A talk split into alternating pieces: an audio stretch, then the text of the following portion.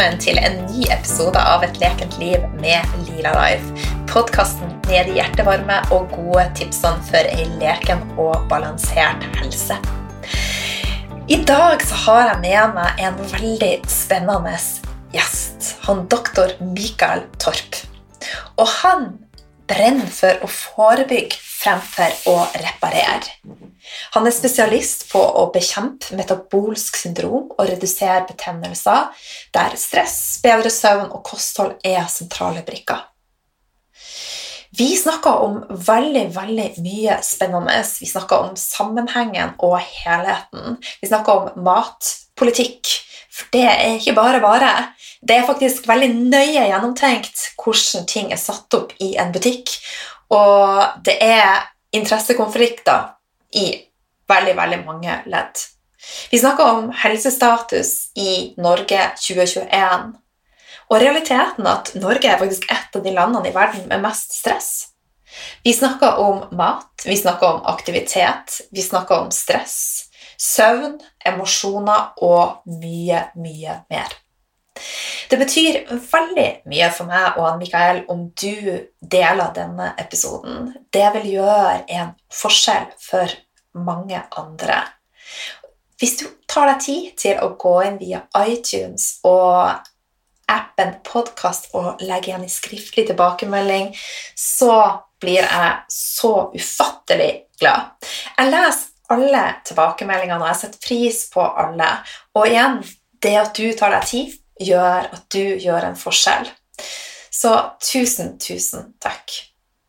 Ellers så er vi veldig glad om du har lyst til å henge med meg på Instagram, hvor jeg daglig deler masse inspirasjon, eh, og du finner meg på lila-life. Da gjenstår det å eh, Ja, gjenstår bare én ting, og det er å si god lytt eh, og gled deg, for det her er en episode som er full av gullkorn.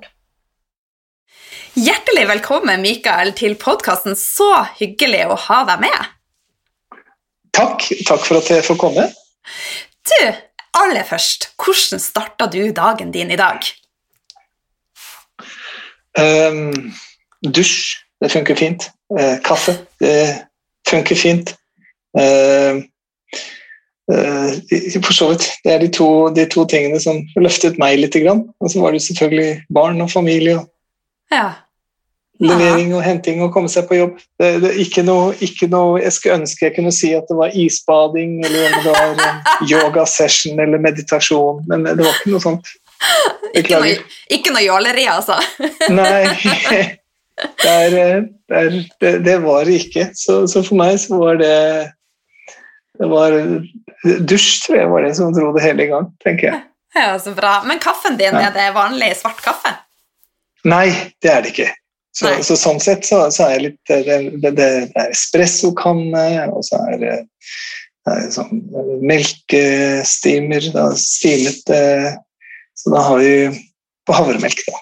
Så det, er en ordentlig espresso. Det er, det er, jeg gidder ikke dårlig kaffe. Det gidder jeg. Nei, jeg er så enig. Men du spiser ikke frokost, da? Jo, ordentlig frokost. Frokost er viktig. Ja.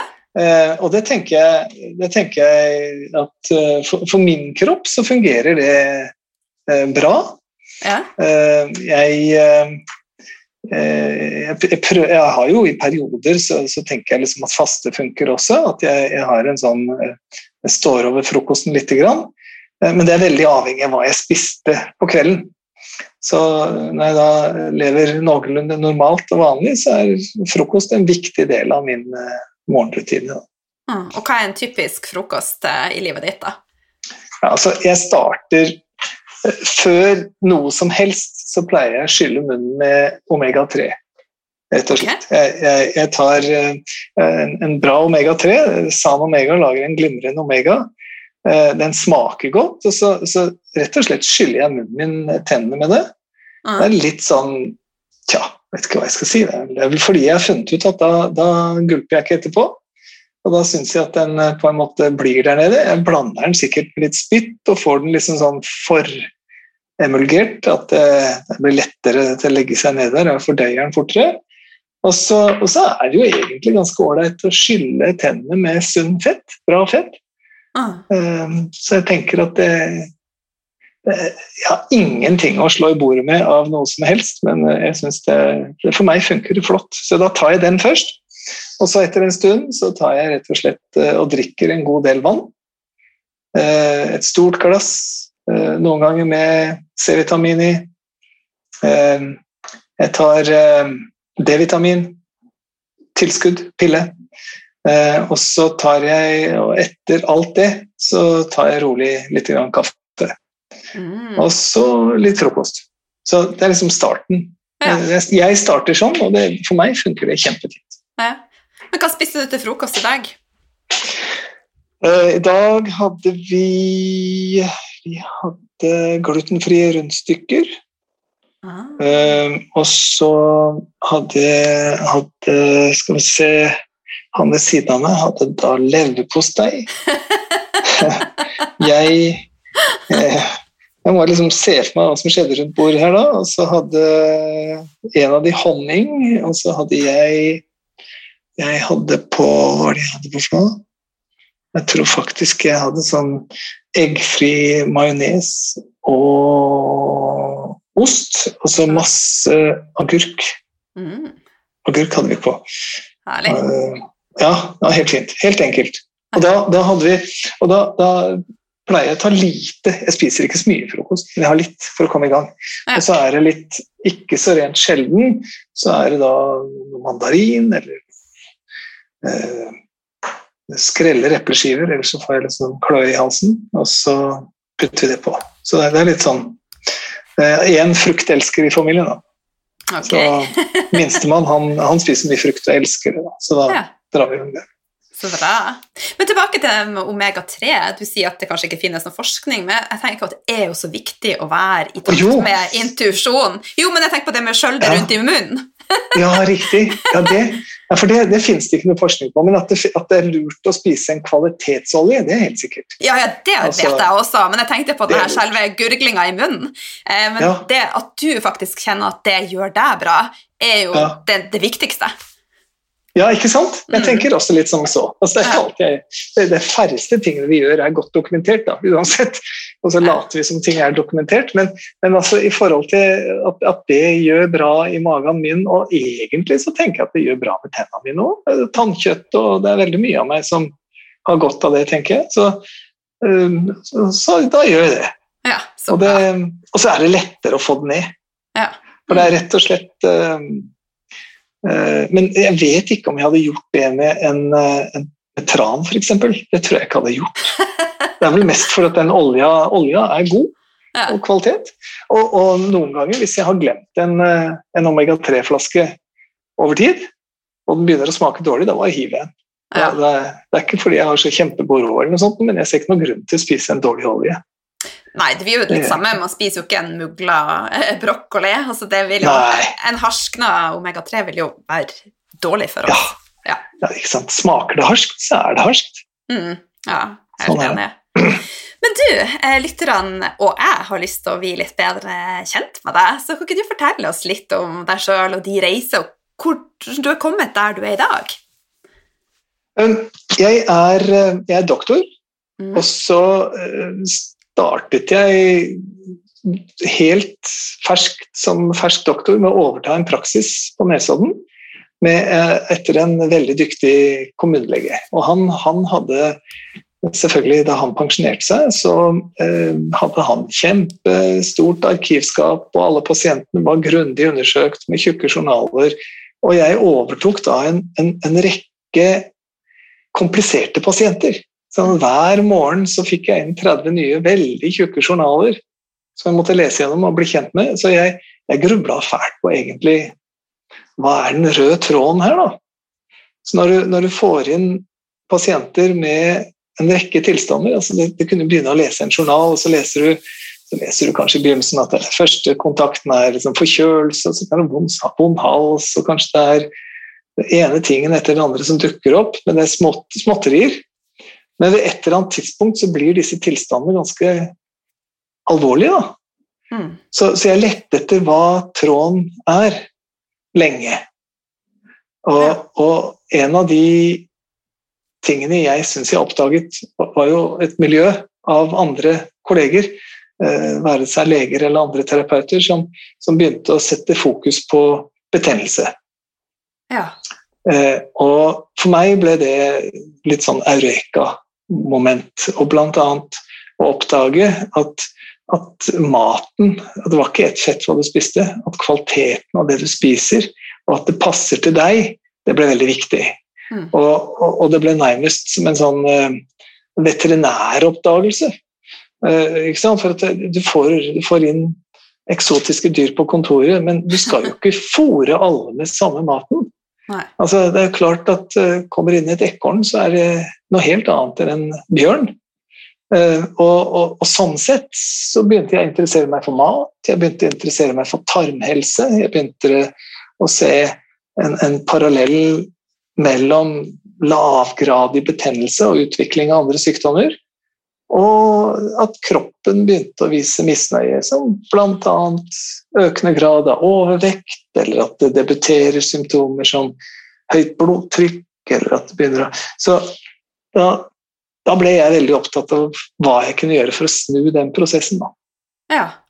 Huh. Og det har hele tiden fulgt meg, også som spesialist. Så nå så har jeg vært en tur, tur jeg jobba på Sunnaas, jeg har jobbet med sjeldne sykdommer der, jeg har jobbet på Ullevål med, med nakke, rygg, muskel og skjelett. Jeg var på nevrologisk avdeling en stund, jeg, på, jeg, har vært flere steder, og hele veien i min virke som doktor, så, så, så bare lyser det mot meg at du, du kan jo ikke liksom fikse én greie. Det er jo et komplett ting. Altså det, uh, og sånn, sånn, tenker vi veldig lett med kjæledyrene våre, men av en eller annen grunn med mennesker så tror vi at det er en dings som skal fikses. Ja, eller en pille. Eller en pille. Aller helst. Gjerne det. Snarvei. Det, det vil vi alle veldig gjerne ha. Mm. Så bytte ut greia som gjør vondt, eller gi meg en pille. Og det, så, altså sånn sett, så både som allmennpraktiker og som spesialist så syns jeg det går hele veien. Og nå her på Unicare Fram eller på Unicare Friskvern, de to stedene jeg jobber nå, så bare lyser dette mot meg hele veien. Ja. Altså, men du har jo hatt det her synet med deg en lang stund og ser på årsaken til problemene. Men hva, ja. hvordan vil du si at statusen sånn helsemessig er nå for Ola og Kari Nordmann? Først og, først og fremst, altså Status i dag for mm. nordmenn i dag mm. er jo fantastisk, mm. sett historisk. I et historisk perspektiv så er det fryktelig mange sunne mennesker men at det kan gjøres bedre, det er helt sikkert. Ja. Og at noen av de utfordringene vi står mot nå, er bl.a. matkvalitet.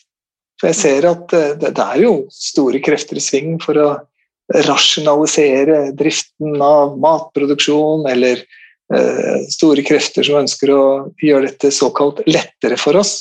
Mm. Sånn så at det å sikre at vi spiser fornuftig, det, det, er, eh, det, er vanskelig. Og der er det en stor prosess, og det er mange ting på gang her. altså det er mange krefter, så det, Til og med matvareindustrien i seg selv har jo store prosess på gang. Men det, det, å ta vare på at vi alle spiser fornuftig, eh, det er kjempeviktig. Mm. Men selv om helsa vår er litt bedre, så er det jo flere og flere som får eh, type livsstilssykdommer i dag. Er, det, er, du ikke enig i det? Jo, det, ja. det skjer. Det er jeg enig i. Mm. Og det, mm. det, er, det, er, bekymringsverdig. Og det, mm. ser vi jo for så vidt så er eh, Norge kanskje litt forsinket i forhold til mange andre land, men allerede nå så har vi jo eh, for enkelte mennesker jeg, jeg må igjen snakke, Her snakker vi generelt, og da betyr det at det, det gjelder jo ikke alle. Men, men, vi ser jo at Norge nå f.eks. er på fjerdeplass i Europa i forhold til overvekt. Ja. Men det har rammet noen. Og, og, og, der må jeg bare fort meg si at det er en stor misforståelse rundt overvekt. At det, det har ingenting med viljestyrke å gjøre. Så viljestyrke er ikke greia med overvekt. Det er de færreste som egentlig uh, har, et, har, så mye viljestyrke at de kan styre seg unna et overvektsproblem. Så uh, de av oss som ikke har overvekt akkurat nå, vi kan ikke skylde på det. Det er rutiner og vaner som har greid å gjøre at folk Eh, så, så, det er genetisk at enkelte mennesker i dag har en genpakke som gjør at med den omgivelsen som er rundt de nå, så legger de på seg. Ja. Og da, da, tenker jeg at helsepolitisk er det en kjempealvorlig ting. For at vi vet allerede at en fjerdedel av de som er overvektige, eller av nordmenn i dag, er så overvektige at det begynner å bli farlig for dem. Mm. Eh, og da nytter det ikke å peke på pasientene. Da, da er det rett og slett det er miljøet det er noe gærent. Det, mm. det, er rett og slett vanskelig for mennesker som er overvektige i dag, å, å, velge seg ut mat som hjelper dem til å gå ned i vekt. Mm. Altså det blir jo bare mer og mer grotesk, spør du meg, i butikkene. For at kommer du nært kassa, så er det jo lina opp med sånn type energidrikker og godteri og fastelavnsboller.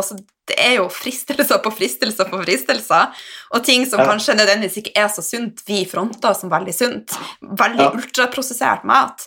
Så jeg skjønner ja. godt at folk er forvirra, og at det er vanskelig å ta gode valg. Ja, det er så. kjempevanskelig. Og dessverre så er det litt sånn at uh, det, det, er jo kjempeflinke folk som bestemmer hvor mat skal plasseres i hyller i butikkene.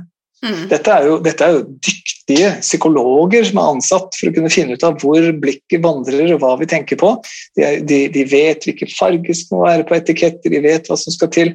Og så er det, det er en slags uh, nesten stilltiende enighet mellom kunde og produsent også. At jo søtere du gjør det, jo lettere får du solgt det, og derfor kjøper folk. Sånn at Ehm, det, er, det er en vanskelig prosess, det. Hvis det er noen som hører på nå som er flinke til å lage apper, så gir jeg dere nå en, en god forretningsidé. En, ja, tenk deg nå. Altså, en god idé måtte være å lage en app som hjelper deg å handle.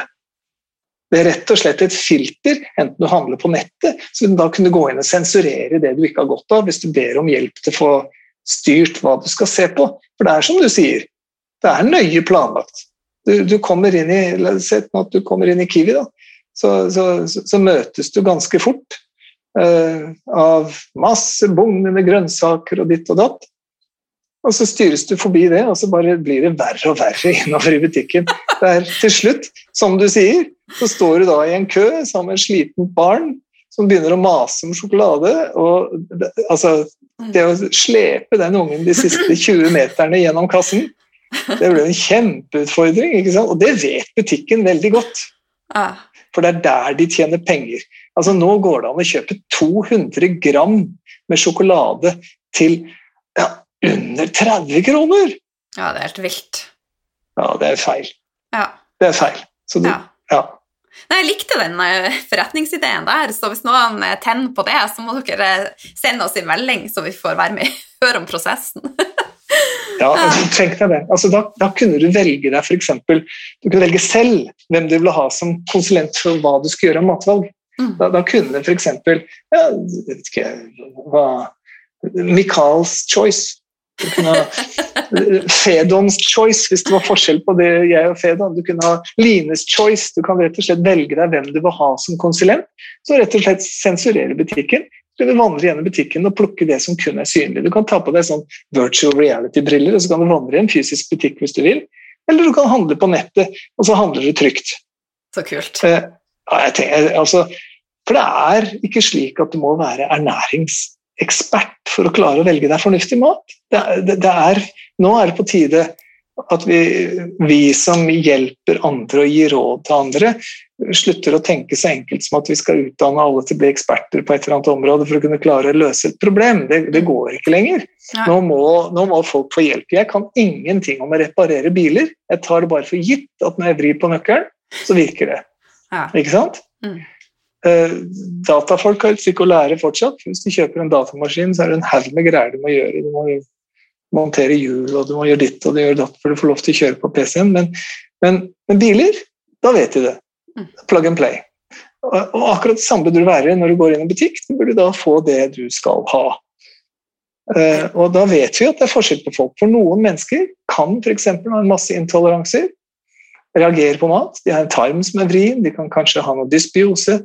Eh, det å få da direkte en meny inn på telefonen sin, det hadde vært en tøff ting. Ja, det har vært helt fantastisk. Og de, de bildene du brukte nå, likte jeg. For at eksempelvis hvis vi har feil med datamaskinen min altså Jeg er jo helt grønn, men jeg setter meg jo ikke ja. ned og leser i bruksanvisning hvordan fikse det. Jeg er jo får eksperthjelp. Ja, hvorfor skal du bli dataekspert for å skrive på en PC? Det er et hjelpemiddel. ikke ja, ja, Så Samme er det i forhold til, til, mat. og Da vet vi jo det at det er forskjell på folk. Mm. Det er jo enkelte mennesker som kan spise hva som helst, og det finnes enkelte mennesker som kan røyke hele livet og leve til de blir 110. Mm. Eh, men, men, det er ikke likt. Så det genetiske utgangspunktet er forskjellig. Og genetikk pleier jeg å beskrive enklest ved hjelp av dyr, altså hunder. De fleste har en erfaring med hunder. Og det er forskjell på folk. Du kan ikke komme med en bøtte med mat og gi det til en labrador og si 'fordel dette utover uka', eh, og så ser vi hvordan det går. Ikke sant? Men en katt, da kan du gjøre det. De fleste katter, da kan du sette fram en kasse med mat, og så spiser den når den gidder. Mm. Eller hva nå en katt Katter skjønner meg ikke på, som du skjønner, men de spiser jo akkurat det de trenger, når de trenger. Mm. Eh, og, og, og, der er vi mennesker også forskjellige. Vi kan ikke gi et råd til alle mennesker på jorda og så, og så tro at det er liksom rare mål. Nei, det er blitt litt komplisert. Og nå er tilbudet av ting ganske øh, vanskelig. Jeg vil si rett og slett at i forhold til hvis du ønsker å leve veldig sunt, mm. øh, så kommer det veldig fort i krasj med et kapitalistisk syn om at tilbudet skal være stort. ikke sant? Eh, da vil det tilbudet dra seg ut i alle veier. Mm. Der tror jeg det er veldig mye å gjøre på helsen. Så enkelte mennesker spiser seg syke uten å vite om det, og det syns jeg er tragisk. Ja, kjempetragisk.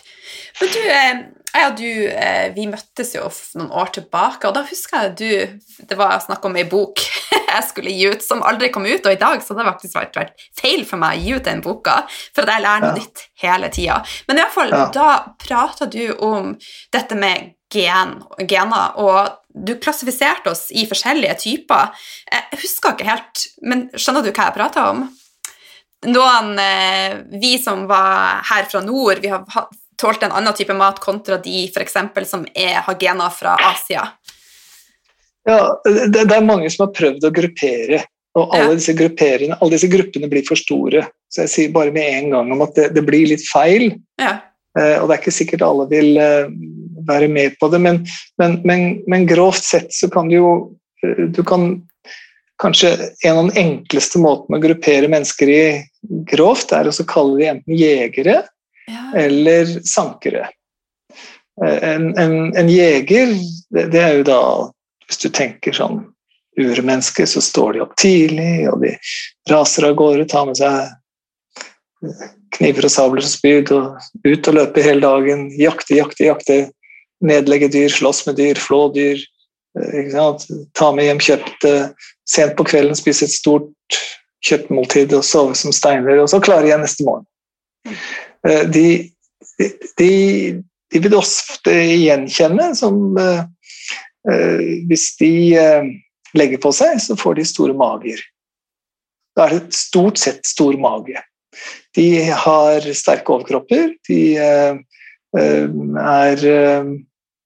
fysisk ofte ganske sterke, og det er overvekt menn. Veldig mange jegere, når de da eh, jakter på ting, så følger de jo dyrene, og da trekker jo isbreen tilbake igjen. Så da, da tror jeg det er, du vil se ofte en overhyppighet av jegere i nord. Det vil du gjøre. Mm. Eh, og eh, den såkalte ølmagen er jo da godt beskrevet. Det er typisk en jeger. En jeger vil jo da eh, på en måte eh, elske nettopp sånne ting som øl. Eller sukkermåltider. De har vanskeligheter for å beherske seg. Eh, de kan hoppe over frokosten, de kan kjenne at de ikke er sultne om morgenen. Eh, og de merker at de blir plutselig kjempesultne på, på kveldstid og spiser masse. Eh, ofte så er det greit for de å sove. Etter hvert begynner de å snorke. Det er, eh, det er en del sånn system som går igjen med såkalte jegeren. Sankeren derimot, det, det, må du se sankeren Hovedjobben til en sanker var jo å gå rundt og teste bær, plukke bær, rydde til leir, ordne ser en overhyppighet blant kvinner. eh, sankeren må ha mat. De blir helt shaky, de blir skjelvende. De, de, sliter ofte med både grelin og leptin, som er to hormoner som, som gjør at de bare må ha. Mm. Eh, jeg tror til og med det er en amerikansk rettssak hvor en kvinne ble frikjent for at hun ikke fikk mat på, i tide. Eh, det, det, det, regnes som en ganske sterk ting. Den wow. der må ha. Ja, ja, ja. Så, men de vil da ofte beholde urglassformen lenge. Få brede hofter, kraftige lår ikke sant? De, de, vil merke det på en annen måte. Det, det vil du da øh, Ofte litt mer øh, store rumper, litt mer øh, afrikansk mønster. Ikke sant? Mm. Så, men, men, å generalisere på det blir veldig vanskelig. Må, du finner jo masse folk med med sankerkropp i Norge òg. Det er helt sikkert. Så, men, men, rent interessant her er at så lenge man har midje, så er hjerte-kar-risikoen ganske liten. Mm. Og det, det, det, er litt sånn at det, det, går ikke på kilo og BMI. En skal være veldig forsiktig med det. Sånn at hvis man er ute etter å være sunn og frisk og holde seg frisk lengst mulig, så er de gamle målene med hofte, midjemålet og det forholdet der, det, det, er kjempeviktig. Og det må man passe litt på. Så hvis du har midje, så er det et sunnhetstegn. Det er veldig bra. På hjerte-kar-risikoen. Ja, så bra. Nei, men eh, takk for, for det. Eh, det var bra du huska det. så jeg husker vi snakka om det tidligere. Så, men du har laga et uh, genialt uh, uttrykk som uh, du kaller for masse. Kan ikke du forklare litt ja, hvordan det ble til, og hva det står for?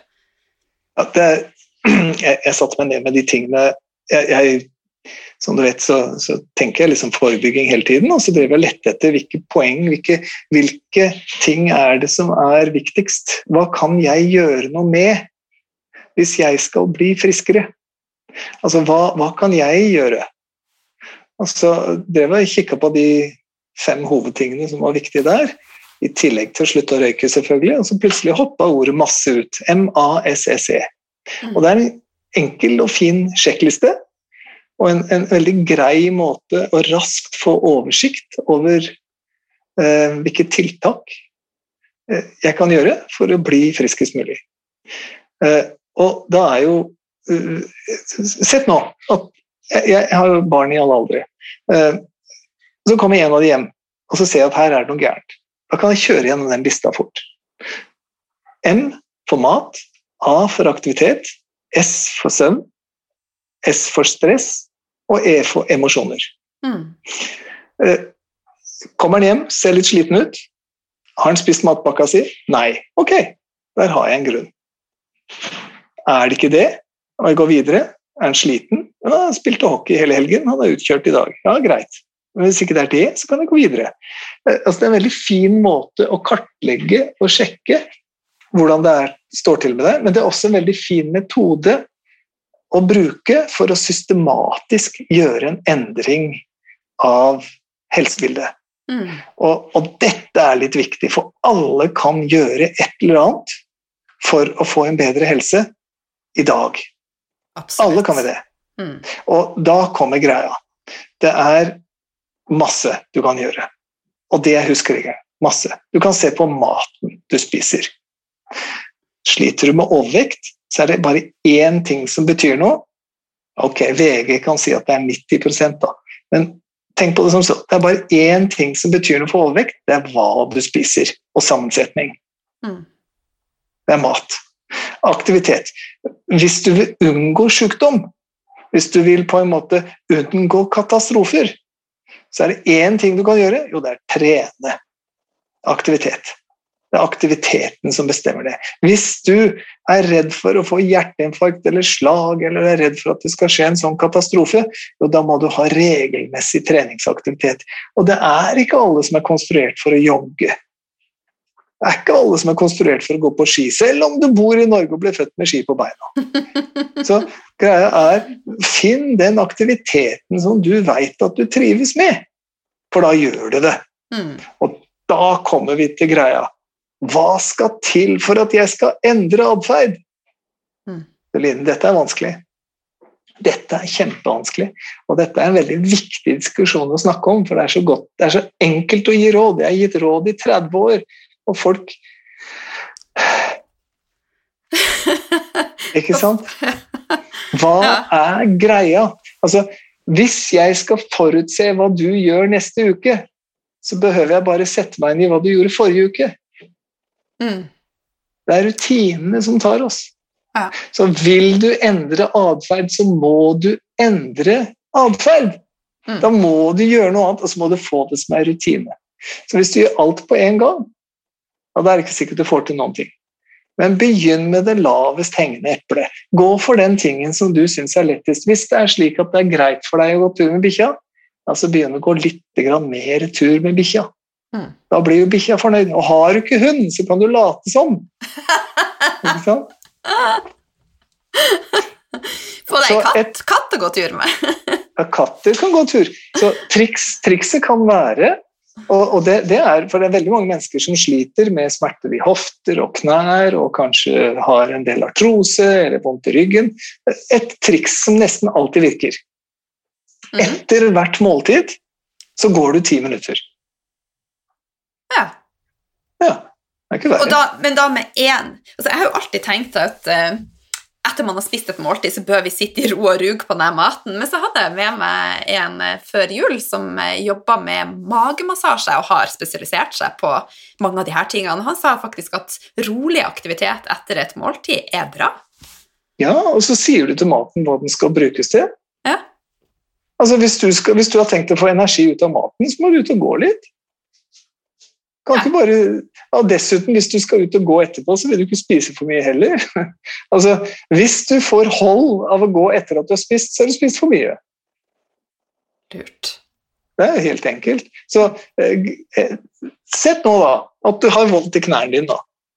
Og så går du ti minutter etter hvert måltid. Eller det vil si tre ganger om dagen, så har det gått ti minutter. Det er en halvtime, det. Og dessuten, et av problemene til folk som har f.eks. artrose i knærne, er at de er så svake at når de begynner å gå for langt, så får de kjempevondt etterpå.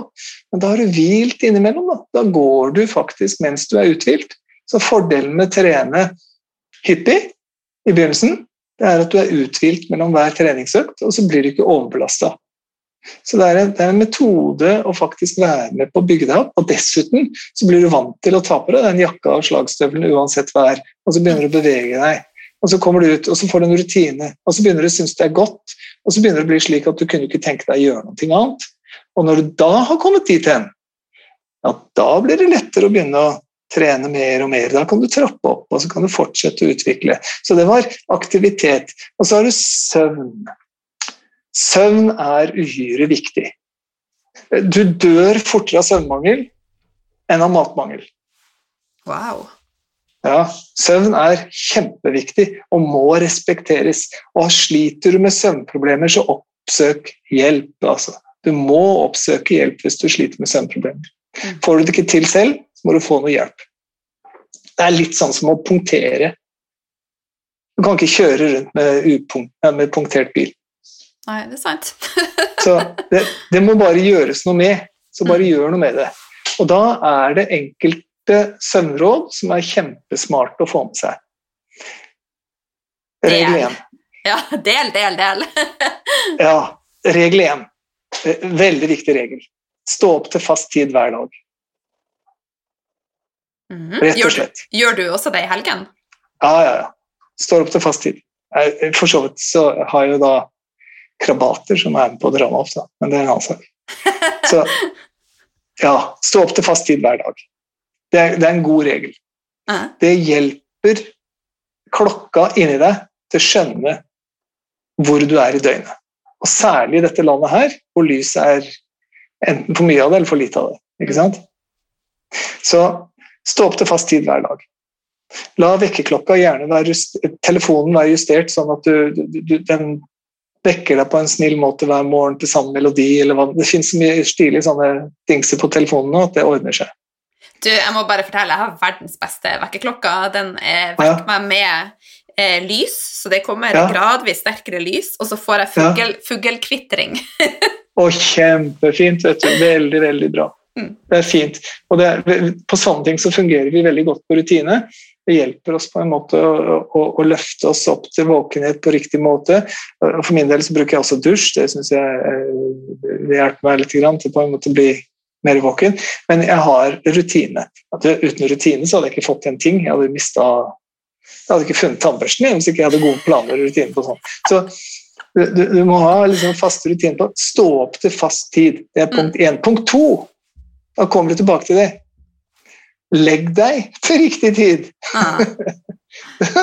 Enkelt og greit. ja, ikke sant? Det er ikke noe. Altså, du kan jo si at å, nei, nei det, å, jeg jobber så hardt, og jeg gjør ditt og datt, og jeg kommer seint hjem fra jobb, og jeg gjør ditt, og jeg, jeg har ikke peiling, jeg må sende meldinger, barna ikke sant? Det er mange grunner til at folk det, Selv den teite amerikanske forrige presidenten la seg til fornuftig tid hver kveld. Når han klarer det, så klarer vi det. Ikke sant? Ok. det er enkelt. Legg deg til riktig tid. Og når er riktig tid? Nå skal du få et artig hint. Mm. Hvis du gjesper f.eks. klokka ni, at du finner ut at du oh, nå ble jeg litt trett. ikke sant? Hvis du gjesper, Det er noen som gjesper hele døgnet, men det er en annen sak. Men, men hvis, du, hvis, du, kjenner at oi, nå kunne jeg sovne, da kan du se på klokka di, og da vet du at halvannen time seinere så vil du ha det akkurat på samme måte. For disse søvnkurvene går gjennom hele døgnet. Mm. Men du må ikke finne på å vente til halv elleve da. Nei, da må du være klar og i senga ti. Okay. For når det, når det, søvntoget kommer, så må du ta det. Mm.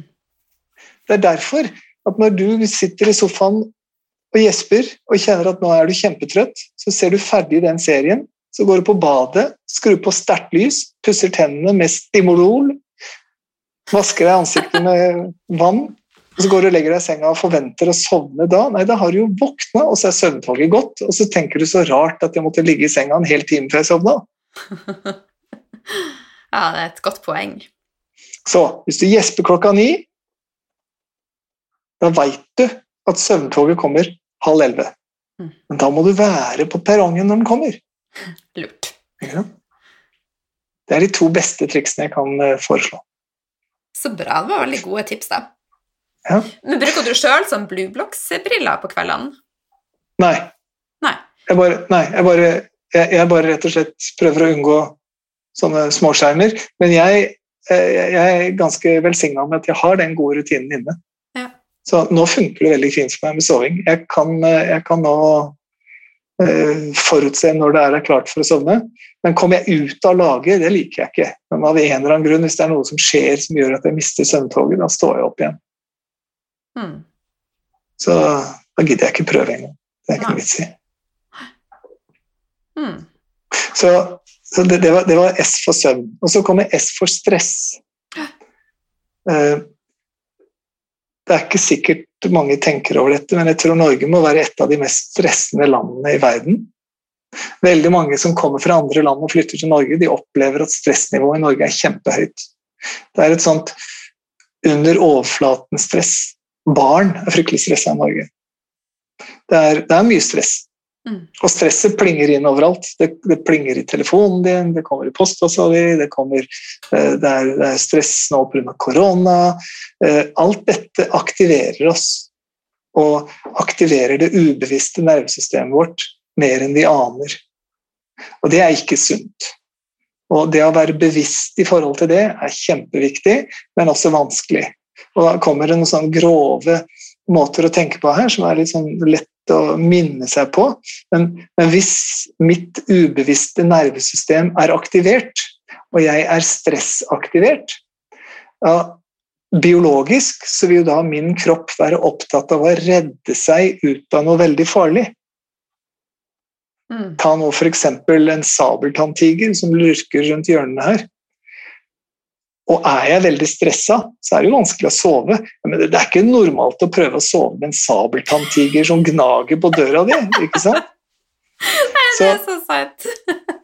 så Skjønner du hva jeg sier? Så i forhold, i forhold til stress så tenker jeg som så at det, det å ha et bevisst forhold til når du er stresset, og det å lete seg fram til hvordan det oppleves, mm. det, det, er litt viktig. Og det kan man få hjelp til. Eller så kan man bruke litt tid på å finne ut av det selv.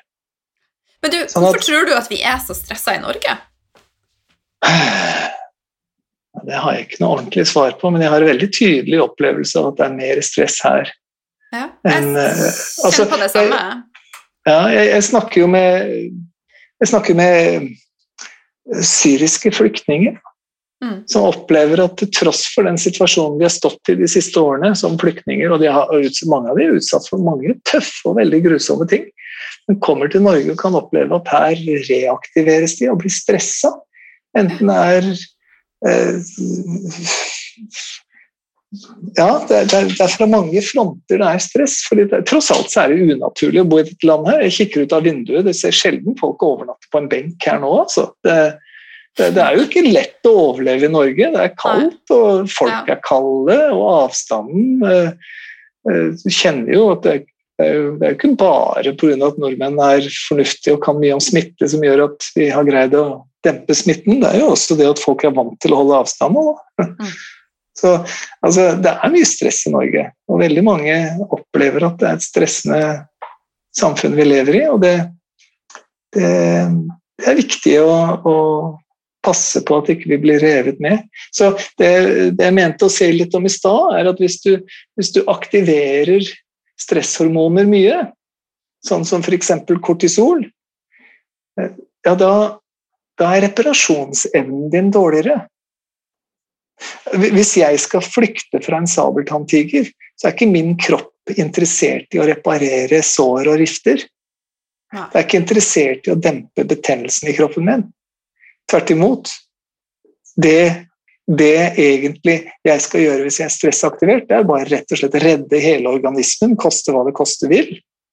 Og hvis jeg er konstant stressaktivert, ja, da sier det seg selv at min evne til å forsvare meg er dårligere mot mm. sykdommer, sår Så, så det, det, det, Jeg tror det er veldig fornuftig at vi eh, eh, bevisstgjør oss nettopp når vi er stressede, og hva vi kan gjøre for å redusere stress. Mm. Det er viktig. Hva du gjør sjøl i livet ditt for å holde stresset nede? Uh, og det er mange ting. Etter hvert så er jeg blitt, jeg tror jeg er blitt ganske flink til å drive og få rutine på enkelte ting. Uh, hvis jeg kjenner meg akutt stressa, altså uh, Sett nå at jeg f.eks. skal holde et innlegg på en blogg og skal si noe fornuftig uten å miste oversikten, så tar jeg noen pusteøvelser. Da, da, da puster jeg ut lenger enn jeg puster inn. Det er en veldig fornuftig metode. Faktisk lungene, eller pusten din, er med på å styre hjertet. Det fins det nå utstyr du kan kjøpe. Det er ganske tøft. Jeg anbefaler det å kikke på nettet. Heartmath, eller noe som heter. Hjertematte i et ord. Okay. Et, et, produkt som faktisk måler eh, Du vet at når pulsen, når hjertet slår, Eh, dette er jo kult, da, for at EKG er jo 100 år gammelt. Og så viser det seg nå at dette har ligget synlig på hver ene alles EKG-er i alle år, men vi har ikke skjønt det. Eh, når hjertet slår, så kan det slå på to måter.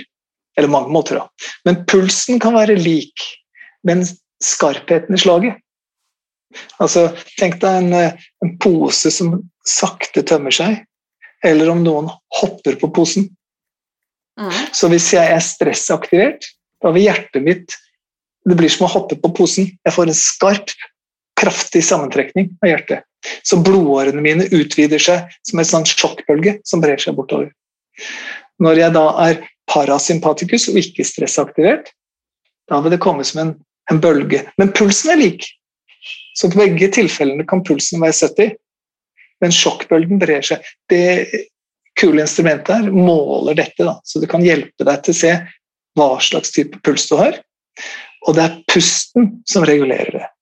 Så hvis du puster ut lenger enn du puster inn, da vil rett og slett lungene påvirke hjertet til å roe seg ned. Og I praksis det som skjer, er at du hjelper nervesystemet ditt fra å være sympatikusaktivert til å bli parasympatisk aktivert. Dette er helt streit, vanlig medisinsk Mm. fakta.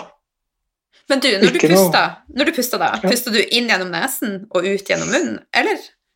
Ja, puster, ja, puster enkelt. Tar, du kan ta en sånn tre, fem, syv-regel. Mm. Eller fem, tre, syv, tror jeg du kaller den. Fem, tre, syv. Da tar jeg puster inn i fem sekunder. Holder pusten i tre, og puster ut i syv. Men du skal ikke spare på utpusten. Altså, du puster ut, og når du tror du er tom, så har du masse luft igjen. Så bare puster ut og puster ut og puster ut, og puster ut, og så gjentar du den syklusen. Og når jeg har gjort den syklusen nok ganger Det kan nøye seg med tre, det kan nøye seg med åtte. Da blir det rolig. Mm. Og faktisk, interessant nok, så blir det lettere å sovne da. Men det er jo klart, for da har du fjerna sabeltanntigeren. Og det her er jo så enkelt, men likevel så er det det å faktisk klare å integrere det som det stopper hos, hos de fleste. Ja. Så, eh, og det er jo det som er litt sånn trist. Så hvordan skal vi få til å få folk til å gjøre dette? Så er vi tilbake til det. Altså, det gode jeg vil, det gjør jeg ikke. Det tror jeg er et bibelsitat.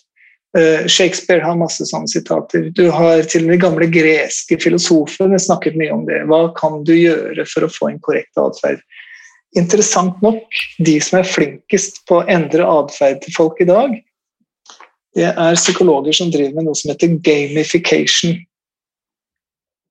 Danif Nei, game, gamification. Okay. Altså spill. De driver Ja. med spill. wow. Og det burde ikke være noe bombe, fordi når er det et barn lærer mest? Når han leker. Mm. Å lære gjennom lek viser seg å være den aller mest effektive måten å endre atferd. Enten du er i skogen og leker soldat, eh, eller du er på ishockeybanen. Altså, hvis en, prøv nå å få en eh, litt overaktiv gutt til å lære seg å gå på skøyter slik han blir instruert. Glem det! Mm. Det å bli bortlært noe, det er kjempekjedelig. Men det å finne ut av noe, ja, det er moro. Sånn at eh, det, det å lage seg systemer hvor det er moro, det er den beste måten å endre atferd. Mm. Og da begynner vi å nærme oss dette her. Da. Så hvis jeg, skal, hvis jeg skal trene for å komme i bedre form, ja, da må jeg lete etter treningsformer som jeg syns er moro. Mm. Og for min del måtte det være å møte Morten og Jarle i, i, i boksing. Det er kjempegøy. Å dra dit, bokse med de, kjempegøy. Det er fantastisk moro. Morsomste jeg gjør. Og da vil jeg oppdage hva jeg er dårlig til. For at hver gang Morten treffer meg i ansiktet, så tenker jeg nei, fytte grisen, han skal ikke få den gleden neste gang. Så da blir jeg bedre i form, ikke sant. Så det, er en helt enkel metode, og så må man gjøre det på sin måte. Og hvis man liker å gå tur, fantastisk måte å komme i form. Men hvis du ikke liker det, da blir det ikke bærekraftig, som Gro Harlem Brundtland ville sagt. Så rett og slett lytt til hva vi syns er artig. Ja. Så, ja. Jeg tror sånn generelt at vi nordmenn er litt for, eh, for stressa og har sett av for lite tid til å ha det artig, rett og slett. Ja, Vi, ja, vi, vi flirer litt lite og er litt sånn uptight. ja, jeg tror dessverre det. Jeg tror det. Men det aller viktigste bokstaven kommer vi til nå, og jeg skulle ha funnet på et ord som begynte med E. Og den E-en står for emosjoner. Mm. Og det, det er viktig.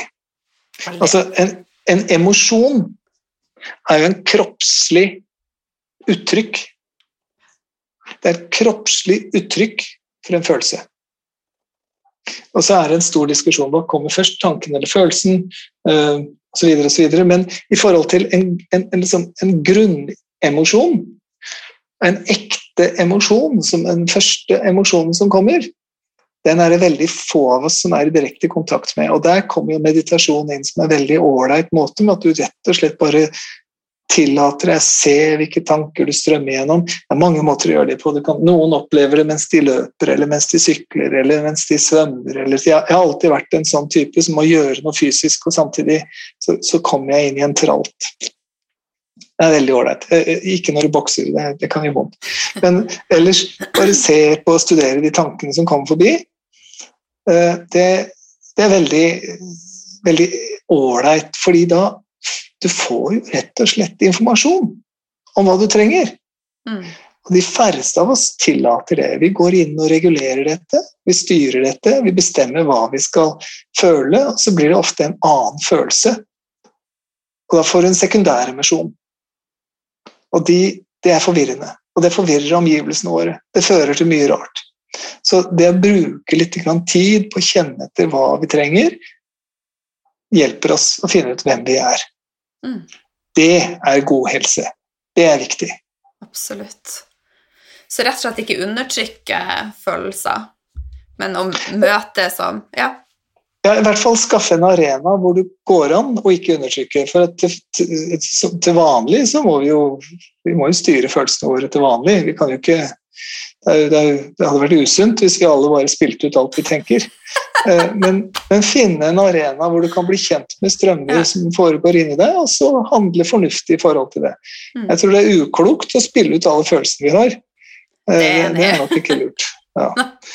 Så, så, ja, så, da tenker jeg det, den, den der massetrikset eh, Hvis det er noen som lytter, så kan de gjerne skrive det ned. Altså, M-A-S-S-E uh, bruke litt tid på å se at ok, denne uka her skal jeg fokusere på aktivitet.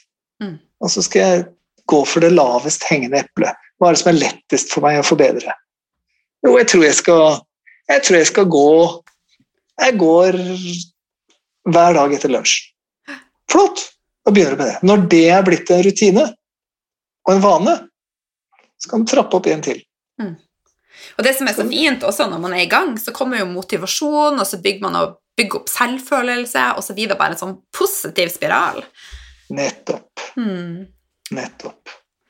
Så, eh, og den, jeg bruker å si at helse det er en følelse, så når man bygger opp den godfølelsen, så vil man ikke tilbake. Nemlig. Hmm. Helt enig. Helt enig. Ja.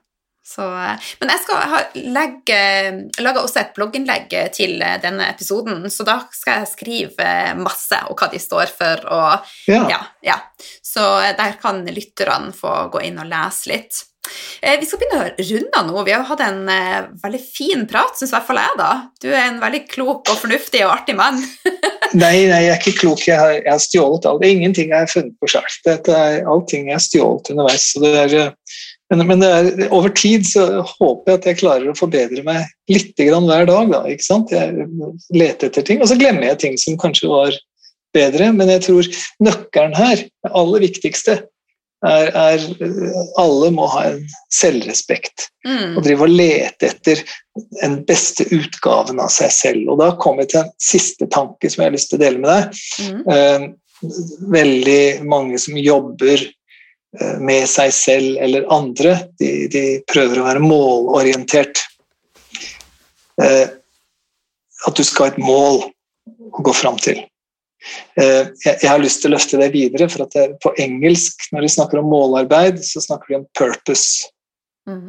Så, så, mening En mål uten mening, det er bortkasta. Så vi må finne ut av hvorfor.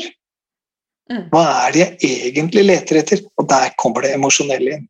Så du kan jo du kan jo tro at lykken er en ny leilighet. Du kan tro lykken er en ny bil. Men hva er det du egentlig vil ha? Mm. Ikke sant? Så lete etter meningen og hva vi holder på med. Og livet er egentlig ganske kort, og mye rart kan skje. Og vi, vi slår følge med folk som forsvinner underveis. Mm. Og, og, i den sammenhengen der så kommer vi inn vi kommer inn en vindu, og vi skal ut en dør. Og, og, og da, da, er det lurt. Altså, let etter mening. Mening er viktig. Mening. Mening, mening, ja. Og jeg synes av og til så skulle jeg bare ønske at vi kunne uh, bruke litt engelske ord, fordi det høres mye finere ut. Purpose, det høres så uh. ja. ja.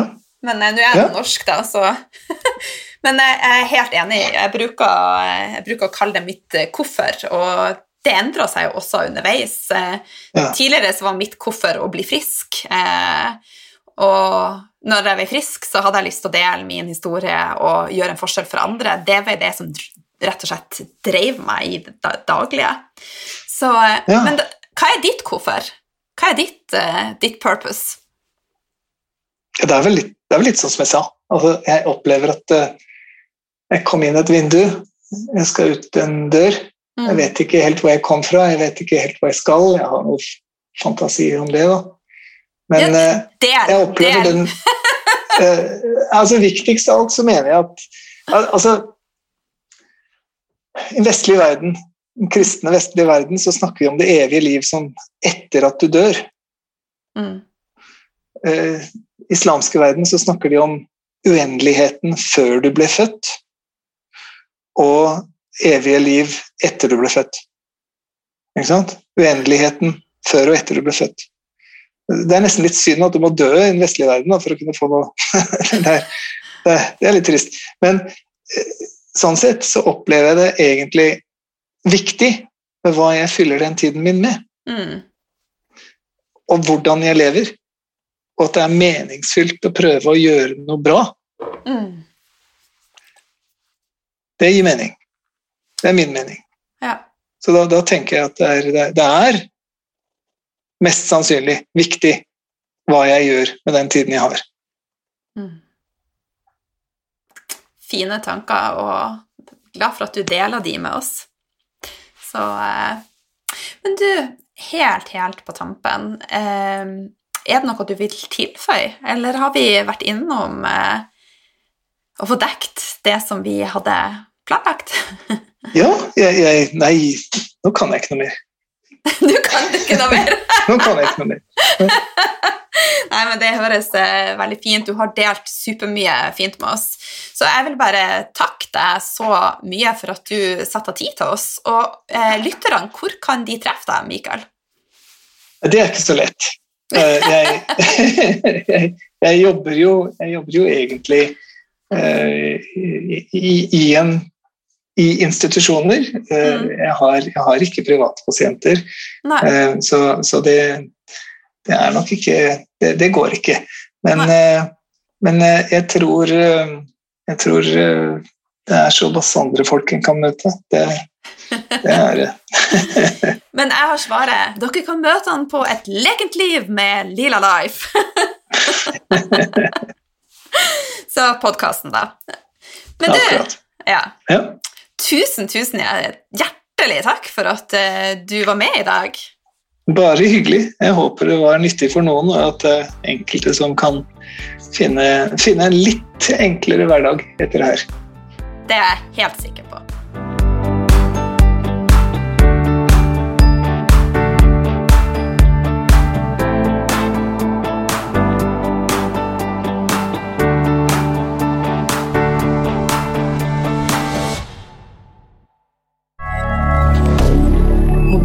rien d'heure.